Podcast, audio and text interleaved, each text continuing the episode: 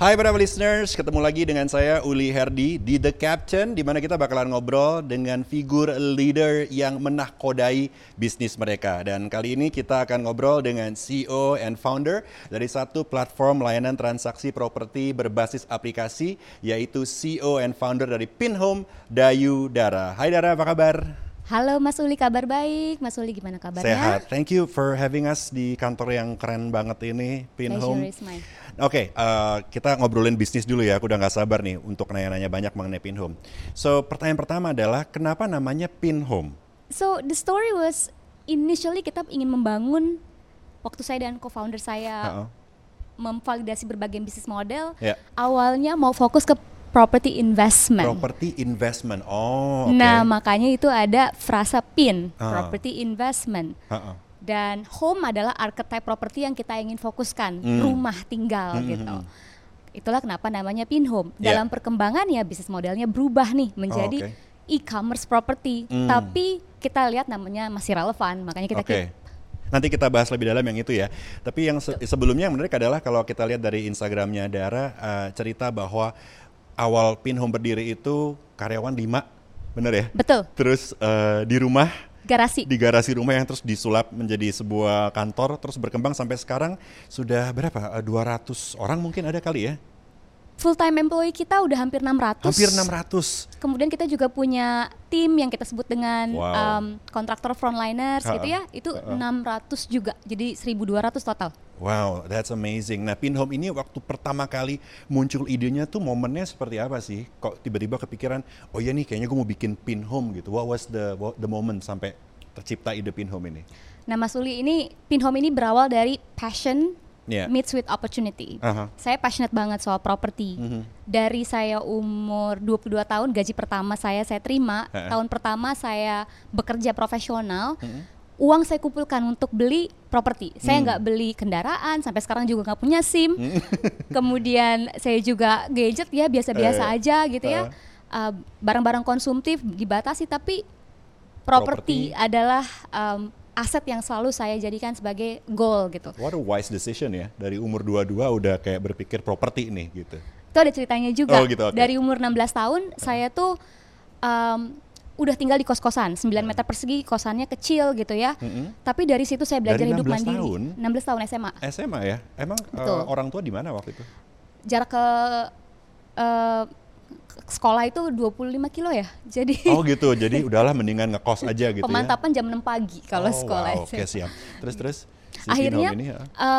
ta- 16 tahun waktu saya tinggal sendiri saya merasa wow ini loh rasanya Hmm. tinggal sendiri hidup mandiri sejak itu saya memutuskan saya mau independen kuliah juga di luar kota hidup sendiri Hmm. sampai bekerja em, juga pastinya em, tinggal sendiri gitu independen Hmm. nah saya merasa betapa transformasionalnya gitu ya Hmm. akses terhadap personal space gitu Iya. waktu itu kan pasti kos gitu ya nyewa gitu nah saya saya berpikir pokoknya ketika saya punya um, rezeki gitu ya Hmm. yang pertama saya akan beli adalah aset properti gitu kalau kita lihat juga um, cerita bagaimana perbudakan berakhir kemerdekaan Iya. bagi negara kita juga kita bisa kita raih itu kan essentially it's the um, it's about access to um, property private property ownership gitu kan ya Hmm. Uh, access to land ya Yeah. kan betapa fundamentalnya gitu properti bagi seorang individu keluarga family bahkan bagi sebuah negara bangsa gitu kan Iya. Um, dari situ saya sangat um, apa ya mulai sangat passionate soal properti Hmm.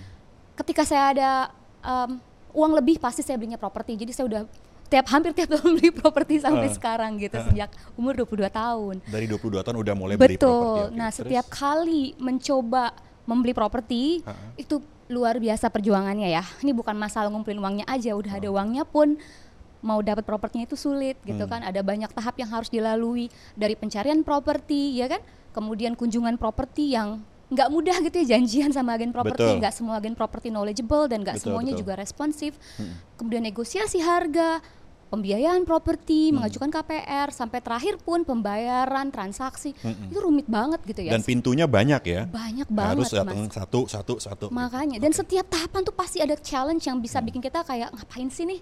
Udah deh gitu cukup Iya, iya. gitu kan. Nah, itu uh, alasan kenapa akhirnya saya merasa oke ini sektor yang besar banget Mm. bagi Indonesia salah satu sektor yang jadi tulang punggung ekonomi gitu Iya. ya.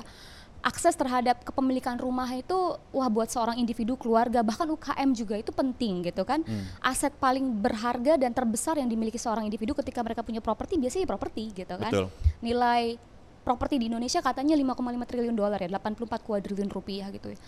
Em, suatu sektor yang besar gitu kan, kemudian uh, sangat impactful Mhm. ya kan, socially, financially Mhm. bagi uh, individu, keluarga, bangsa, negara. Tapi kok tradisional ya gitu, Hmm. prosesnya masih sangat uh, rumit Iya. gitu kan. Lalu memang ada inovasi ya di sektor properti, cuma inovasinya belum menyeluruh gitu Hmm.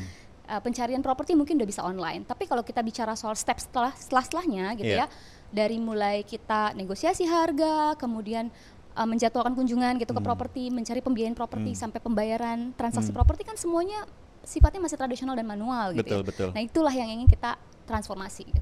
Jadi awal sebetulnya eh, inspirasinya datang dari permasalahan yang dialami sendiri gitu ya. Betul. Yang mana kemudian disadari bahwa permasalahan ini juga dialami oleh banyak orang. Betul banget. Eh, dan kalau di Pinhome itu adalah sebuah tempat di mana semuanya ada di dalam satu aplikasi. Berarti begitu Betul ya. sekali. Eh, baik dari kita mencari propertinya sampai untuk ngurusnya, jasa apalah segala macam semuanya jadi satu Betul banget. dan eh, mudah di user friendly sehingga memudahkan orang dan bahkan kalau saya lihat dari aplikasinya juga untuk teman-teman yang pengen belajar mengenai properti ada juga ya ada artikel-artikel dan lain sebagainya di situ Betul. ya. Betul sekali. Jadi Oke. Mas Uli, tadi proses yang saya jelaskan dari mulai pencarian, kunjungan, gitu kan ya, kemudian negosiasi harga properti, Mm-mm. kemudian pembiayaan properti, transaksi properti, sampai setelah transaksi merawat properti, Hmm. itu semua bisa terjadi di satu aplikasi. Di satu aplikasi ya. Iya. Menarik banget. Pinhome. Itu yang uh, problem di society yang ingin di solve tadi itu ternyata ya. Betul. Oke. Nah, ini berapa listeners yang mendengarkan kita pastinya juga setuju bahwa properti adalah hal yang penting gitu ya. Ada tips nggak buat berapa listeners yang kepengen beli properti, tapi ini kan lagi masa pandemi ya. Betul. So what's the do's and the don'ts gitu supaya semuanya tetap aman? Betul banget. Nah, ada beberapa hal yang berbeda nih sebelum pandemi dan setelah pandemi Mas Uli ya. Mm-mm. Eh, mungkin hal yang pertama adalah harga properti memang turun tapi tidak semuanya kompetitif terhadap harga pasar. Jadi kita Hmm. harus tahu nih harga pasar properti di area-area yang berbeda itu seperti apa sih. Belum tentu harganya turun jadi kompetitif dan bagus gitu ya. Oh gitu ya? Good value for money Oke. gitu.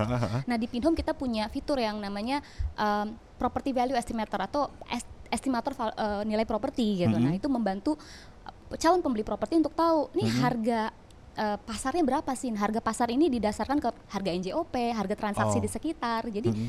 kita tahu nih properti ini lebih mahal atau lebih murah dari harga pasar. Oke. Yang kedua, KPR semakin sulit gitu ya karena bank juga kriterianya makin ketat gitu Mhm. loh. Nah, uh, akan em, bisa sih cari-cari tahu sendiri soal KPR, tapi eh, mungkin tidak bisa dapat yang terbaik gitu Hmm. karena mungkin opsinya terbatas tahu 2 3 kontak bank gitu. Tapi kan di Indonesia ada 80-an bank yang punya ka- eh, fasilitas KPR gitu. Yeah. Nah, Pinhome bisa bantu itu juga proses KPR-nya online. Uh, kemudian berinteraksi dengan agen properti juga kan uh, di masa pandemi ini banyak agen properti yang um, itu mungkin ba- baru muncul gitu, baru Nah. muncul kemarin sore karena uh, mungkin mereka mencari uh, penghasilan tambahan dan lain sebagainya. Jadi tidak semuanya responsif dan knowledgeable Hmm. gitu ya. Makanya memang baiknya sih ya kita uh, bekerja dengan agen properti yang memang knowledgeable dan uh, kita bisa andalkan seandainya satu properti tidak cocok, kita ke Mhm. properti berikutnya jadi nggak harus berinteraksi dengan terlalu Hmm. banyak agen properti gitu kan. Uh, terus kunjungan properti gitu kan kadang uh, sebelum pandemi ya kita mau ke mana aja lihat properti ini tuh ketemu orang rame-rame aman gitu ya. Iya. Tapi sekarang mungkin harus mikir-mikir dulu kalau kita belum yakin sama propertinya jangan berkunjung dulu deh gitu Hmm, kan. hmm. Sebisa mungkin lihat uh, platform online dengan fitur-fitur seperti 360 viewing gitu ya atau video viewing gitu Hmm. ya. Um, itu bisa membantu kita memfilter sebelum akhirnya kita kunjungin. Jadi Hmm. mungkin biasanya kalau sebelum pandemi 50 visit Iya. nyari rumah ya lima aja deh gitu yang kita udah lihat dari eh, semua online visualsnya itu oh bagus nih Hmm. bagus dikunjungi gitu Kalau eh, di Pinhome itu artinya tetap ada agent ya atau enggak? Tetap ada agen dan agen ini adalah rekan agen Pinhome Mm-mm. dan mereka ini diseleksi dengan baik sehingga kita yakin bahwa agen uh, rekan agen Pinhome ini atau property agentnya ini adalah yang memang knowledgeable Yeah. gitu ya. Uh, mereka itu berpengalaman gitu Yeah. di bidangnya, tahu propertinya. Jadi bukan yang oh kebetulan tahu temennya yang punya listingnya gitu. Mhm. Dan ya pastinya responsif. Pinhop ini eh, cakupannya seluas apa sih, Dara?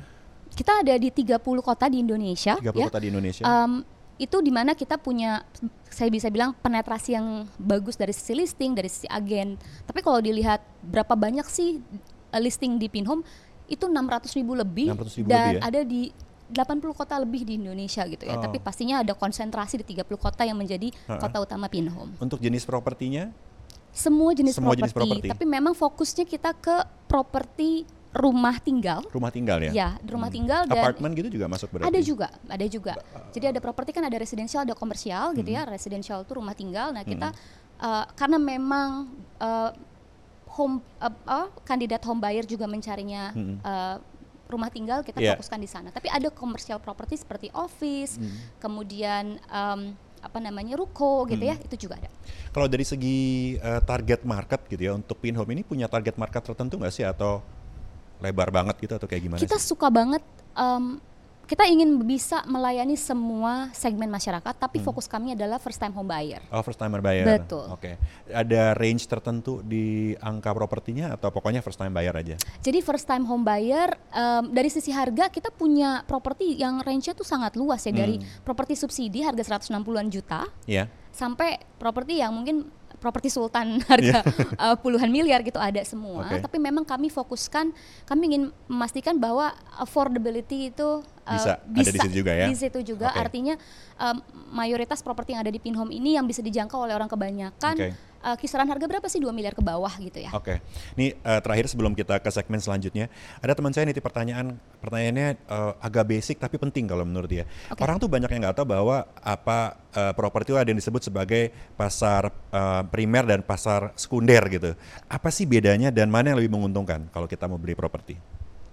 Pertanyaan yang sangat bagus gitu ya. Primer dan sekunder bedanya apa? Properti primer itu properti baru Hmm. yang dibangun oleh properti developer. Jadi dibeli langsung dari properti developer Yeah. gitu kan. Sementara properti sekunder adalah properti yang dibeli dari pemilik properti pribadi seperti saya, mungkin Hmm. Mas Uli kalau Mas Uli punya properti ingin Hmm. menjual properti. Nah, properti yang dimiliki Mas Uli yang ingin dijual itu adalah properti sekunder kita Yeah. sebutnya.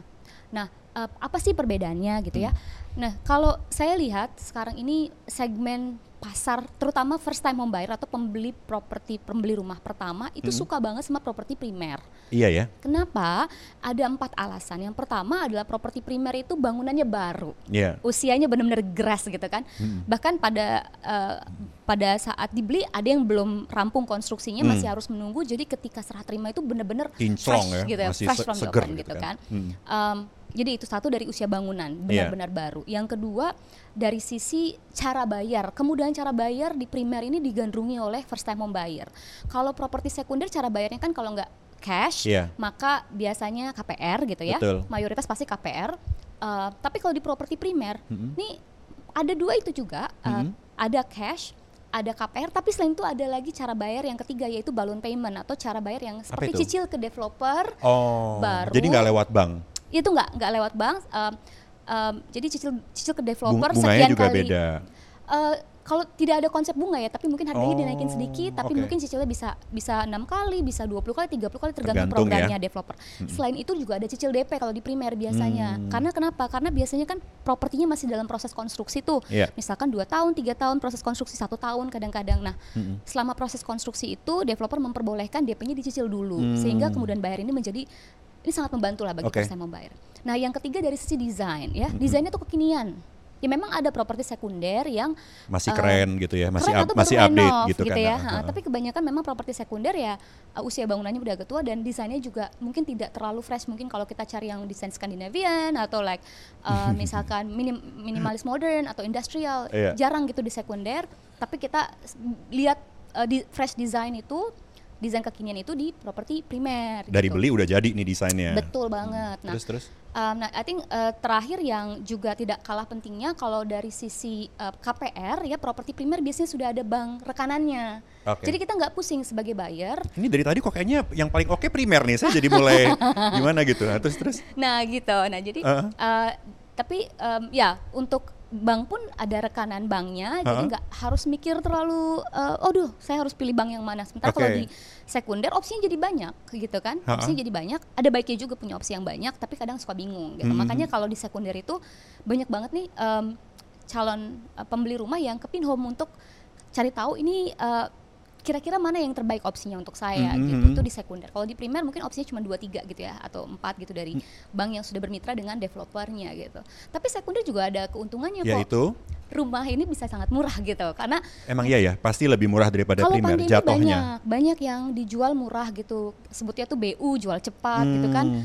eh, harga NJOP gitu. Iya. Kenapa sih em, mungkin pemiliknya berani jual murah gitu yang kalau dibandingin sama primer kok jauh ya harganya bisa jadi jadi jauh lebih murah. Mungkin mereka beli juga mungkin 10 tahun lalu, 20 Iya. tahun lalu yang harga tanah jauh lebih murah, pastinya juga biaya bangun juga jauh lebih murah sehingga meskipun jual jauh di bawah pasar masih jual untung sebenarnya ownernya. Karena dia gitu. dulu belinya jauh banget harganya Betul. dibandingin dengan udah naik harga sekarang. Oke. Betul. Dan Terus, terus. biasanya juga ya tergantung kalau kita bisa pilih yang uh, terbaik itu maksudnya dari sisi uh, usia bangunan gitu kan, terus uh, kualitas bangunan Iya. itu juga bisa siap huni. Sementara primer banyak yang masih harus dibangun dulu, jadi nggak bisa tahu-tahu langsung pindah Iya. gitu. Nah gitu Mas Uli. Menarik ya. Jadi eh, kalau kita mau jual rumah di Pinhop juga tentunya bisa. Nanti kan ada orang Pasti. Pinhop yang datang untuk ngecek kondisi apa segala macam untuk memberikan saran dan lain sebagainya gitu ya. Betul. Jadi Oke. kita bisa um, kita punya platformnya Iya. di web based atau website dan Iya. juga ada di aplikasi kita Iya. uh, rek- um, aplikasi Pinhome Consumer Application, ya Hmm. kan? Uh, itu ada di iOS dan di Android. Mhm. Uh, sebagai pemilik properti yang perlu dilakukan hanya tinggal indikasikan bahwa saya mau titip properti, nanti akan dihubungi, Hmm. Oke. ya kan? Dan kita juga punya rekan agen yang kita akan bisa minta untuk, oke, kalau misalkan butuh bantuan untuk foto dan lain sebagainya itu kita bisa Hmm. Bisa bantu. ya? Oke. Kalau tidak bisa langsung upload sendiri. Baik. Nah, yang menarik adalah sebagai seorang eh, CEO tentunya kan butuh inspirasi. Dan salah satu postingan dari Dara di Instagramnya adalah ketika eh, di situ cerita lagi berkunjung ke sebuah kota di eh, Iceland ya, di Reykjavik. Betul. And you were like what, 90 kilometers out of Reykjavik, and then you talk about inspiration. What was the story behind that posting? Ceritanya itu setahun sebelum saya memulai Pinhome ya, mungkin setahun setengah paling eh, paling panjang gitu ya. Nah, Hmm. em, saya berada di persimpangan jalan lah Oke. waktu itu saya ingin em, melihat Waktu itu masih bekerja berarti ya? di Gojek. Masih di saya Gojek masih kan? di Gojek gitu ya. Tapi saya punya cita-cita ingin membangun eh, perusahaan saya sendiri gitu kan. Iya. Eh, waktu itu belum tahu sektornya mau fokus ke mana Hmm. gitu kan. Nanti bisnis modelnya seperti apa. Mm-mm. Butuh banget inspirasi Iya. gitu kan. Em, sudah empat tahun kerja pastinya membangun banyak hal yang sangat impactful gitu ya Hmm. uh, di Gojek saat itu tapi kita semua pasti butuh yang namanya pause atau break gitu ya Hmm. and I, I, also, I also felt that pada saat itu um, saya itu lagi um, jenuh gitu ya Hmm. dan um, ketika jenuh inspirasi sulit datang Mas Hmm. Uli nah akhirnya saya memutuskan oke I'll take um, a week break gitu A kan week break. a week break um, saya ikut program um, leadership program Apa sih leadership program apa sih? waktu itu di Swedia Oke. jadi saya Tell me more about that leadership Ya, program. jadi saya dapat informasinya, Ha-ha. kemudian diminta untuk mengajukan aplikasi. Informasinya saya dapatkan dari kedutaan besar uh, Swedia Ini gitu apa ya. sih? It's a course atau It's a leadership program, actually is a week program, Oke. di mana di situ mereka mengumpulkan leaders ya, sectoral leaders dari berbagai negara, gitu ya, Uh, negara-negara um, mungkin uh, sahabatnya negara sahabat Swedia gitu ya, termasuk Oh, ini Indonesia, di programnya pemerintah. Swedia, Swedia. betul. Oh. Tapi uh, yang berpartisipasi itu mungkin kira-kira 10 negara. Hmm. Dari setiap negara uh, ada 3 sampai 4 delegasi Oke. dari sektor yang berbeda-beda. Jadi ada sektor waktu itu di program saya, saya dari teknologi tapi ada dari pharmaceutical, ada dari logistik gitu ya. Um, kemudian ada dari education. Mm-mm. Nah, tujuan saya waktu itu saya ingin cari inspirasi gitu. Mm-mm. saya punya catatan kalau mau cari inspirasi caranya gimana sih Hmm. gitu. Ada ada banyak cara untuk mencari inspirasi. Inspirasi tuh nggak selalu mengalir ya.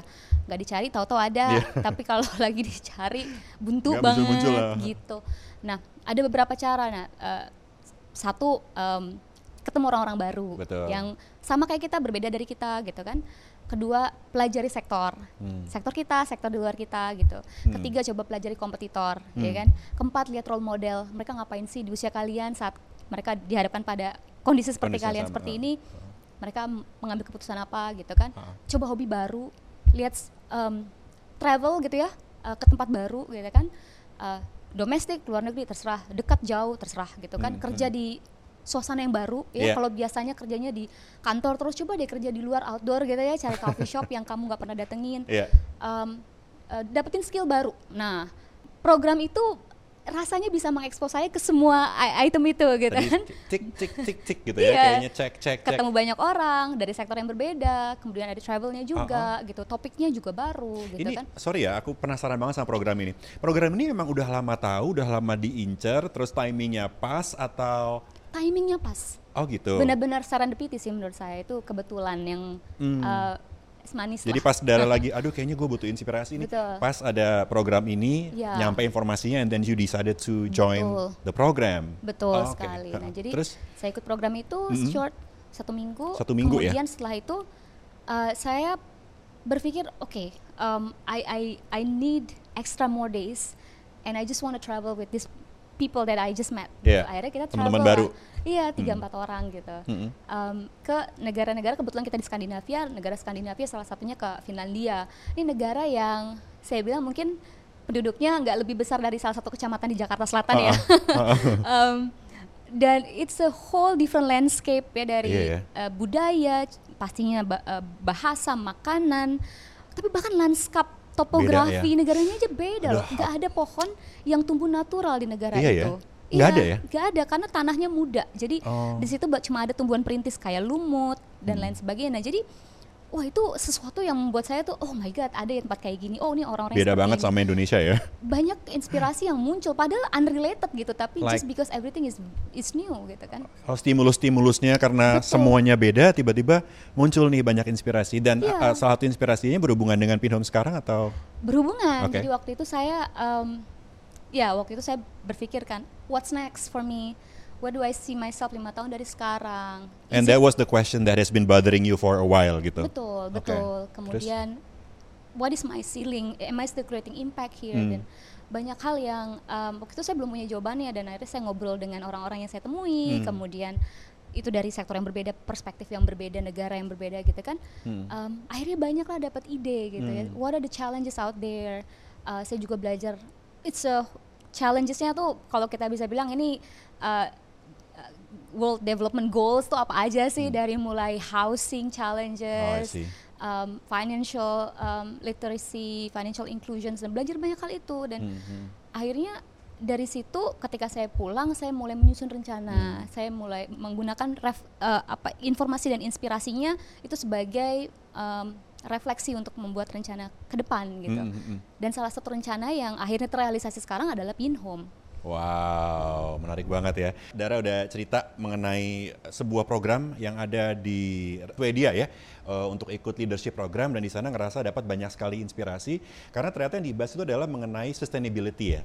Betul banget Mas Uli. Sustainability ini adalah eh, sustainability as a society gitu. Iya, society Terus, eh, sustainability. gimana ceritanya dari eh, inspirasi itu terus ternyata kawin nih dengan goals yang dibangun melalui Pin Home. Betul. Nah, Mas Uli, waktu aku ikut leadership program itu di di di Swedia yang waktu itu disponsori dan didanai oleh Swedish government, Mm-mm. uh, aku belajar banyak hal tentang sustainability, Mm-mm. ya kan.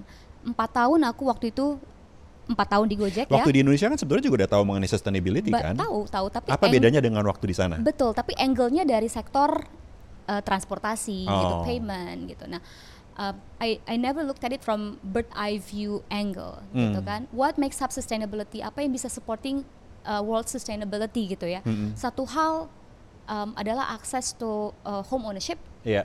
uh, proper housing, Mm-mm. ya kan, livable home dibahas di sana.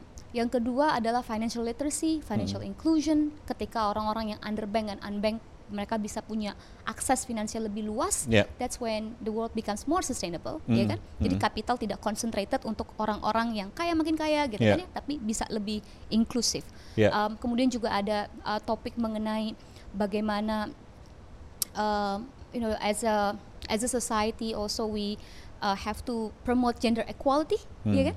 Uh, dan beberapa instrumen atau aset kelas di mana gender equality itu sangat kuat adalah ternyata properti loh. Ternyata di properti ya. Betul, karena 60% sampai 70% keputusan membeli properti Uh-uh. itu di drive oleh perempuan. Wow. Gitu lah. Dan Di uh, Indonesia, globally. di global, Globally di seluruh juga. dunia. Ini salah satu yang dibahas di Betul. leadership program itu bahwa ternyata Ketika perempuan punya akses terhadap uh, uh, uh, financial management atau uh, capital gitu ya untuk keluarganya, mereka itu langsung fokusnya ke housing, Mm-mm. uh, living, uh, pastinya um, nutrition gitu ya, dan education Hmm. gitu. Um, dan dari ini itu salah satu atau salah tiga dari sekian banyak sustainability elements gitu yang Uh-uh. akhirnya ketika saya pelajari gitu, ketika saya pelajari dan saya juga refleksi ya, what do I want to build next? Mm-mm. kriteria saya tiga sih, ya kan. Yang pertama ini harus um, massive opportunity gitu ya, impactful for the country, financially for the country, uh, gitu kan. Um, yang kedua juga I have to be passionate about it. Karena Yeah. if you build something you don't believe and you don't like, agak susah ya susah kalau ya. kita sebenarnya the fire inside us kayak nggak sejalan Benar, dengan apalagi begitu ada tantangan gitu, Yeah. hambatan, pasti Yeah. udah nyerah deh kalau kita Yeah. nggak suka dan nggak passionate. Hmm. Yang ketiga harus juga socially impactful and Hmm. then and in in the sustainability context it promotes sustainability gitu loh for Hmm. for the uh, for the society. Hmm. Dan Pinhome ini promoting and um, basically is aligned with all those uh, criteria dan akhirnya memperkuat gitu loh, memperkuat uh, niat saya gitu Hmm. untuk membangun sesuatu di sektor yang saya cintai, saya passionate about yaitu property. Nah, Yeah. ada hal lain juga yang saya pelajari di sana succession plans gitu. ya. How succession plan. How do you as a leader? Sustainability is about we all will die kan. Betul. Succession artinya untuk diwariskan ke Betul. selanjutnya. Sustainability is selanjutnya, also about bagaimana kita meneruskan legacy kita ke generasi berikutnya. Hmm. And it's not about because we're dying, tapi bisa juga karena kita mungkin tong estafet kepemimpinannya sudah selesai Iya. dan kita teruskan. Nah, itu juga salah satu Tapi misinya bisa jalan terus. Nah, itulah yang saya pelajari dan waktu Hmm. itu saya merasa bahwa saya bisa kok meninggalkan organisasi ini dan mereka akan lebih le- tetap sukses gitu ya, Hmm. tetap maju gitu kan. Asalkan suksesnya successionnya tuh dilakukan dengan baik. Gitu. Hmm, hmm, hmm. Akhirnya itu menjadi transisi saya menjadi seorang entrepreneur. Oke. Nah, kemudian menarik eh, pulang ke Indonesia diskusi dengan eh, teman-teman, diskusi dengan partners and everything and then muncullah Pinhome gitu ya. Betul. Didirikan Pinhome.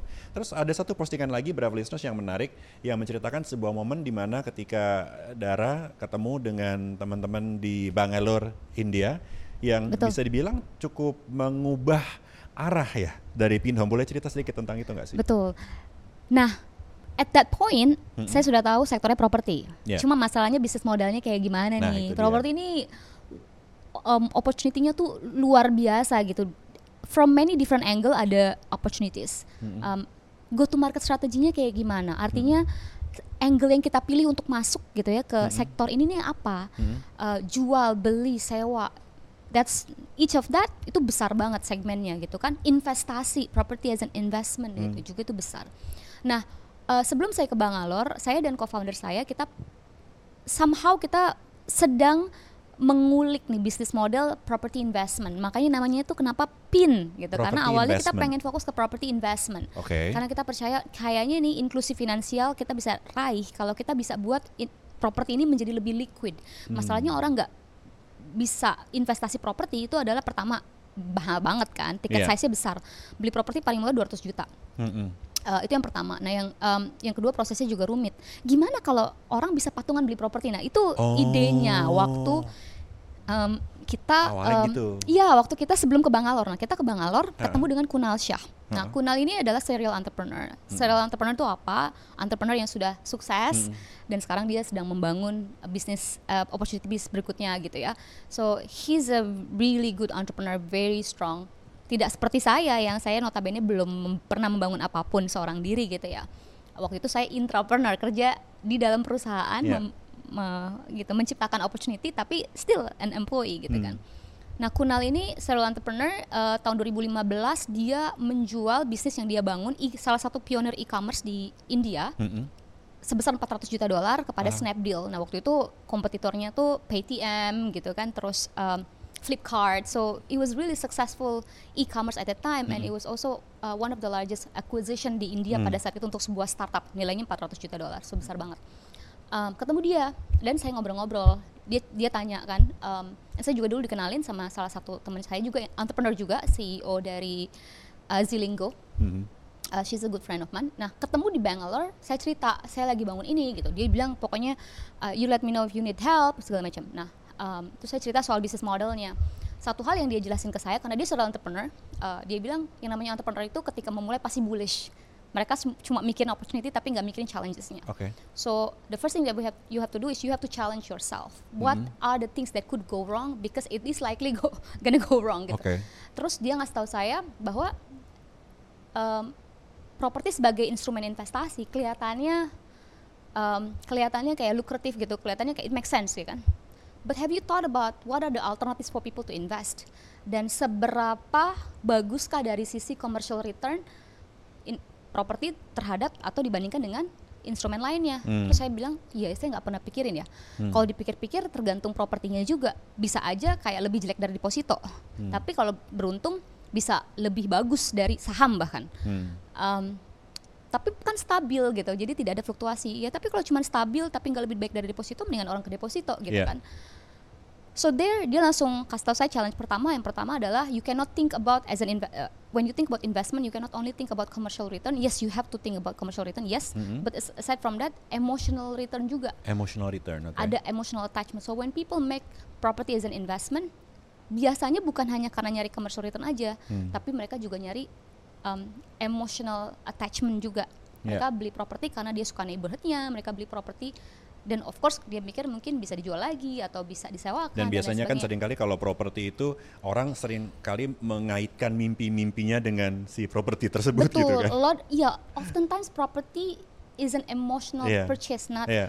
um, nggak completely just numbers gitu not kan. Not rational investment uh -uh. gitu kan. Uh -uh at that point saya ngerasa bahwa oh iya ya bisnis model ini is neither there nor here gitu artinya apa kita mungkin kalau di kita kalau mau menyasar uh, rational investor akan kalah yang sama instrumen kayak deposito yeah. tapi kalau kita mau menyasar um, emotional buyer hmm. emotional buyer maunya properti dimiliki seutuhnya nggak mau dibagi-bagi sama orang hmm. gitu so are you sure this is the right model akhirnya dari situ kita disadarkan lah like, hmm. oh my god. Itu setelah okay. berapa tahun di Pinhome mulai berdiri itu waktu itu? Oh itu masih validasi. Oh di awal-awal banget berarti Tiga ya? bulan pertama validasi. Tiga bulan pertama, oke terus ketemu? Ketemu Kunal uh, gitu. Terus, Dan terus? akhirnya setelah itu kita pulang, hmm. kita lakukan market research, ya kan? Uh. Why do you buy property? Dan memang benar, a lot of it is, a lot of it is emotional. Jadi hmm. kalau dilihat uh, ada dua tipe buyer, ada rational buyer, emotional buyer. Uh -huh 70% itu emotional buyer. Okay. And they buy it because uh, mereka percaya ini bisa memberikan mereka kebahagiaan bagi diri mereka, keluarga mereka gitu. Yeah. Bukan hanya sebagai investasi saja gitu. Hmm. Uh, dan dari situ kita sadar bahwa ini marketnya kecil untuk orang yang mau invest ke properti, iya. partial yeah. property investment, crowd, kayak crowdfunding properti gitu. Hmm. Mungkin berapa listeners juga pernah kepikiran gitu ya, aduh kayaknya saya kepengen deh untuk memulai startup, but it's scary gitu. Dan pertanyaan pertama yang mungkin penting adalah gimana caranya kita untuk bisa gain trust dan establish credibility in business gitu. What do you have to say about that? Um, I've learned that there are three steps untuk bisa membangun kepercayaan dan kredibilitas gitu ya. Uh, yang pertama adalah kompetensi. Kompetensi, oke. Okay? Okay. Uh, tong kosong nyaring bunyinya. Kita nggak mau jadi orang yang paling berisik di ruangan tapi tidak ada substansnya, gitu yeah. kan?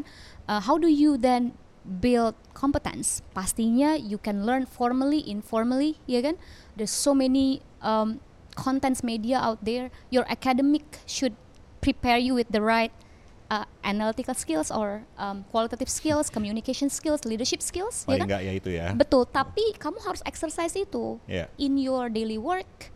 Um, through your extracurricular activities, hmm. melalui pergaulan kamu, hmm. gitu kan kompetensi itu harus terus dibangun. Belajarlah hal baru gitu. Jangan pernah merasa diri paling pintar di ruangan. Hmm. Goal saya ketika saya membangun tim adalah saya pengen saya jadi yang paling bodoh hmm. di antara tim saya karena tim saya harus bisa independen. They can they should be able to make their own decisions. Yeah. They have to be able to be reliable, gitu kan? mm. kan? Um, and so do not want to be like the or do do not don't think that you're the smartest in the room, think that you're the dumbest, and when you have that mindset, kamu akan terus mau belajar. Mm. Yang kedua, build credibility. Kompetensinya udah bagus nih, skillful, yeah. tapi diem aja, nggak pernah uh, speak up, ya yeah. kan? Terus juga uh, tidak menunjukkan uh, apa yang pernah kamu bangun. Nah, kredibilitas itu dibangun melalui apa sih gitu ya? Ya minimal CV ya, yeah. uh, portofolio gitu kan?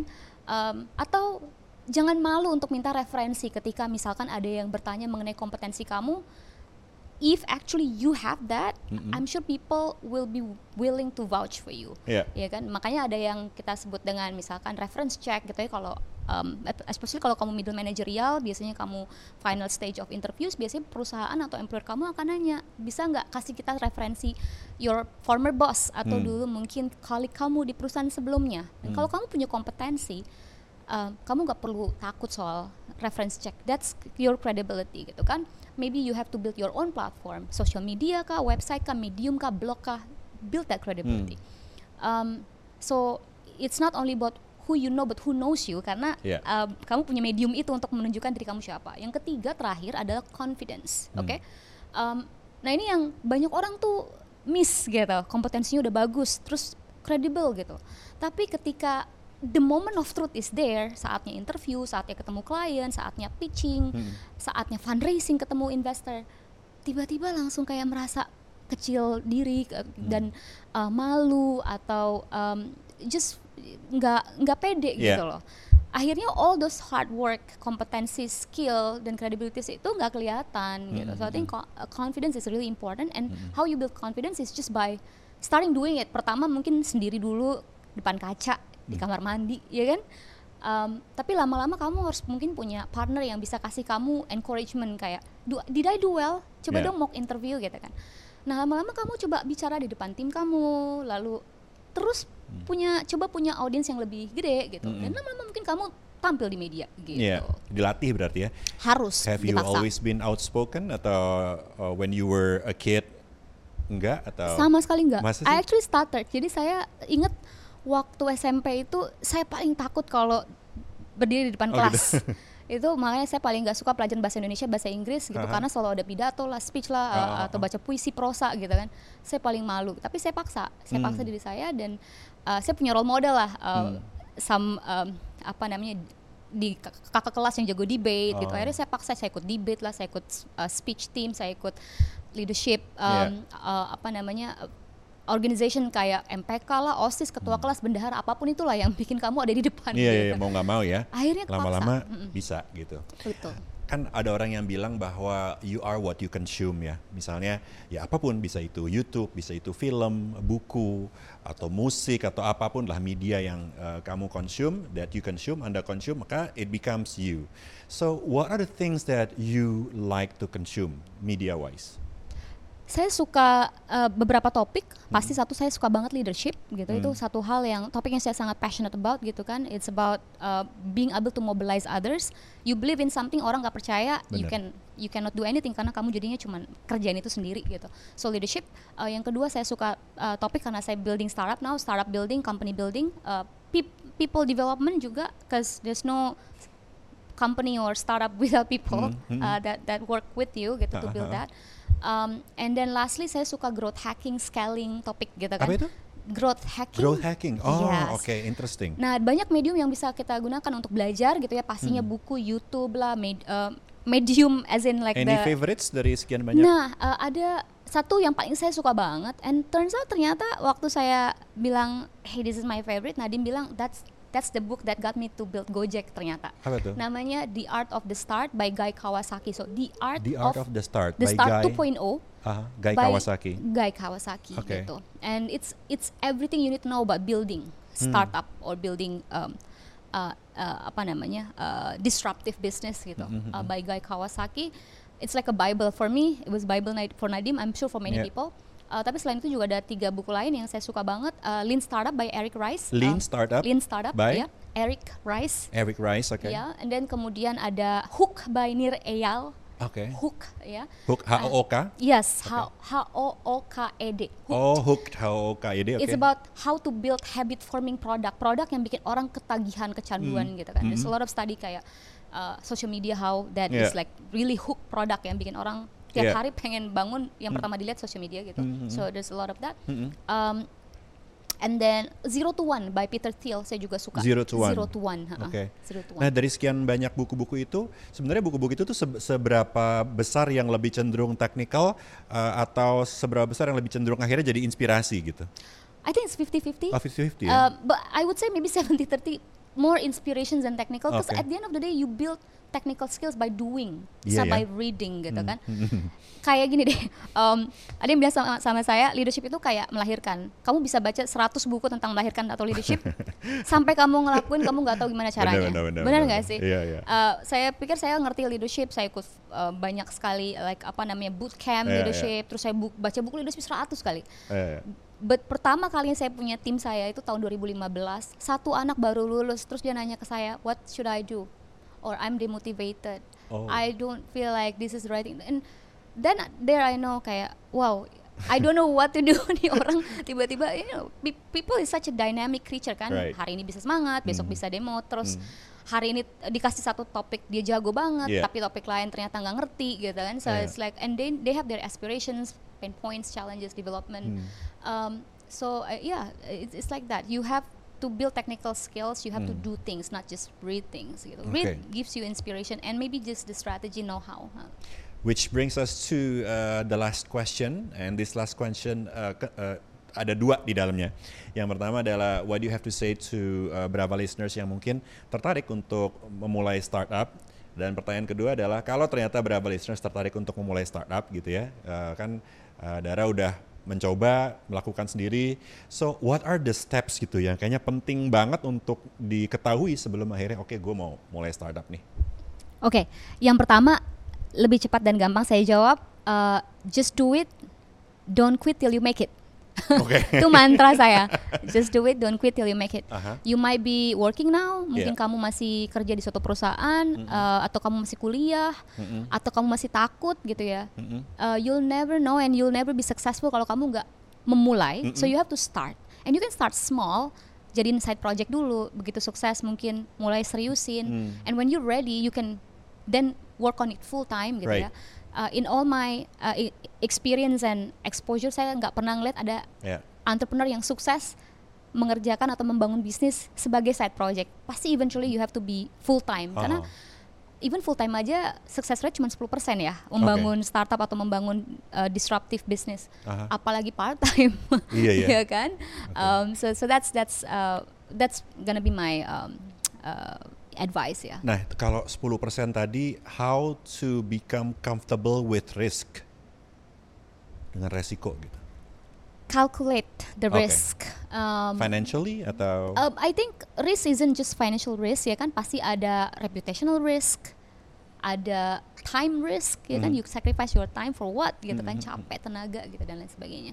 So you have to calculate risk and you have to take risk and take bigger risk every step. Oke. Um, supaya kamu jadi lebih nyaman sama risiko itu. Hmm. Jangan tiba-tiba kamu nggak pernah ngambil risiko, tahu-tahu berhenti kerja besok ah saya nggak tahu mau Wah, ngapain. itu tapi namanya nekat ya. itu nekat itu modal modal nekat itu um, buat saya saya saya ini bukan um, like risk take taker ya saya tuh risk averse actually Hmm. dan ketika saya melakukan sesuatu tuh saya udah pikirin segala resikonya Hmm.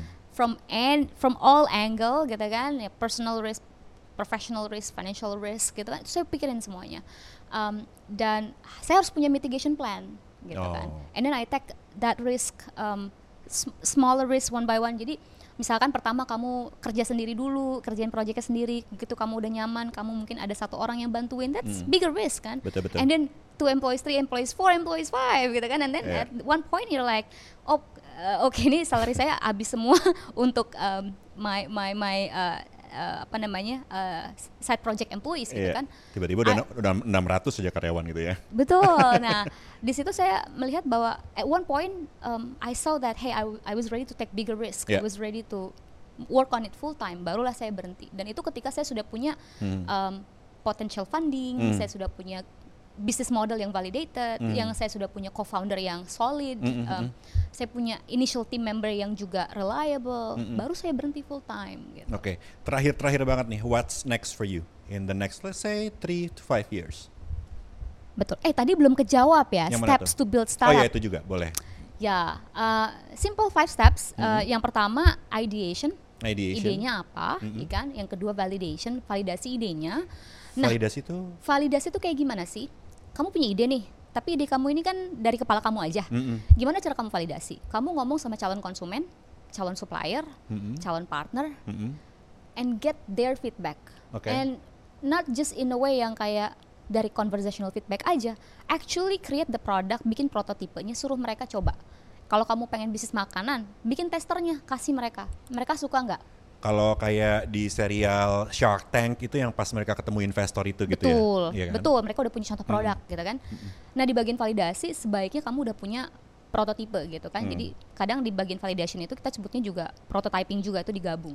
Hmm. Nah misalkan kamu udah dapat feedback, nggak nggak langsung bagus biasanya. Iterasi terus sampai feedbacknya, oke saya Oke. mau dong beli, saya mau dong bayar di harga yang bisa bikin kamu profitable gitu loh. Mm-mm. Uh, so that's essentially that's uh, building product kan is finding uh, something that creates value for customer that they're willing to pay Hmm. higher than the cost that uh, you spend to create that, that Betul, product. betul. Um, and so validasi gitu nah. Validasi ini kadang di skip tahu-tahu dari ide go to market nih langsung MVP Itu yang minim itu yang ketiga. ketiga minimum Oh. valuable product. Nah, ini yang kalau di skip akan merugikan bagi kamu Hmm. lah. Intinya gini, kamu bikin misalkan kamu bikin tadi bisnis makanan, eh, kamu belum tahu makanannya disukain enggak sama market ya, tapi kamu udah pede aja. Saya suka pasti orang suka. Bikin restorannya langsung, sewa Hmm. tempat, eh, punya chef gitu kan, bayar eh, employee dan lain sebagainya. Itu yang Ternyata- ketiga tuh. Nah itu MVP yang saya bilang MVP which is uh, minimum valuable product launch your first product gitu kan ya. Nah pas launch your first product ini yang penting adalah kamu mulai mendapatkan konsumen awal 100 ribu konsumen awal. Nah tahapan berikutnya setelah itu apa? Uh, kita sebutnya product market fit. Product market fit. Product market fit itu ketika produk kamu dicintai oleh konsumen yang tepat di waktu yang tepat. Hmm. Uh, realitanya kalau misalnya kamu punya restoran ada orang datang sekali datang lagi Hmm. bawa temennya ajak orang lain dan di situ kamu udah lihat wah ini produk market fit nih ada orang yang suka Hmm. gitu ada juga mungkin uh, buy- buyer atau konsumen yang nggak nggak datang lagi tapi nggak apa-apa yang penting lebih banyak yang datang daripada yang berhenti Hmm, hmm, datang hmm. Nah yang terakhir itu scaling nah bisa nggak Digedein. satu Oke. lokasi jadi 10 misalnya Nah, eh, bisnis plan itu masuknya di bagian mana? Business plan biasanya di bagian ideation dan validation. Oh. Dan ketika misalkan tadi validationnya eh, hasil validationnya, oh no ini bisnis modelnya nggak sesuai ya harus balik lagi tuh ke bisnis plannya diubah, Hmm. di tweak gitu kan, kemudian validasi lagi gitu. Oke. Eh, terakhir, 3-5 tahun ke depan, what's the future is like for you dalam bayangan seorang Dara? Pin home ya kan, uh. membuat tadi kan visi kita adalah eh, membuat kepemilikan properti menjadi accessible untuk semua orang Indonesia dan semua UKM Indonesia. Mm-mm. um, demi penghidupan dan kehidupan yang lebih baik gitu kan Um, dan misinya ini bagaimana dengan bisa mencapai visi tersebut ya membuat informasi dan data properti menjadi terdigitisasi Uh, pembiayaan properti terdigit- terdigitisasi jadi online dan transaksi properti juga terdigitisasi. Nah, 3 sampai 5 tahun ke depan ini waktu yang pendek saya rasa karena Iya. sektornya itu besar banget Ha-ha. tapi kita yakin dalam 3 sampai 5 tahun ke depan dampak kita akan mulai terasa lah di Siap. Indonesia. Yeay. Terima kasih buat waktunya ngobrol-ngobrol hari ini sangat inspiratif dan saya juga yakin beberapa listeners happy banget mendengarkan obrolan kita. Good luck buat Pin Home. Cannot wait to see it become bigger and bigger. Dan beberapa listeners demikian obrolan kita kali ini di The Captain bersama dengan CEO and founder Pin Home Dayu Dara. Sampai jumpa di The Captain berikutnya.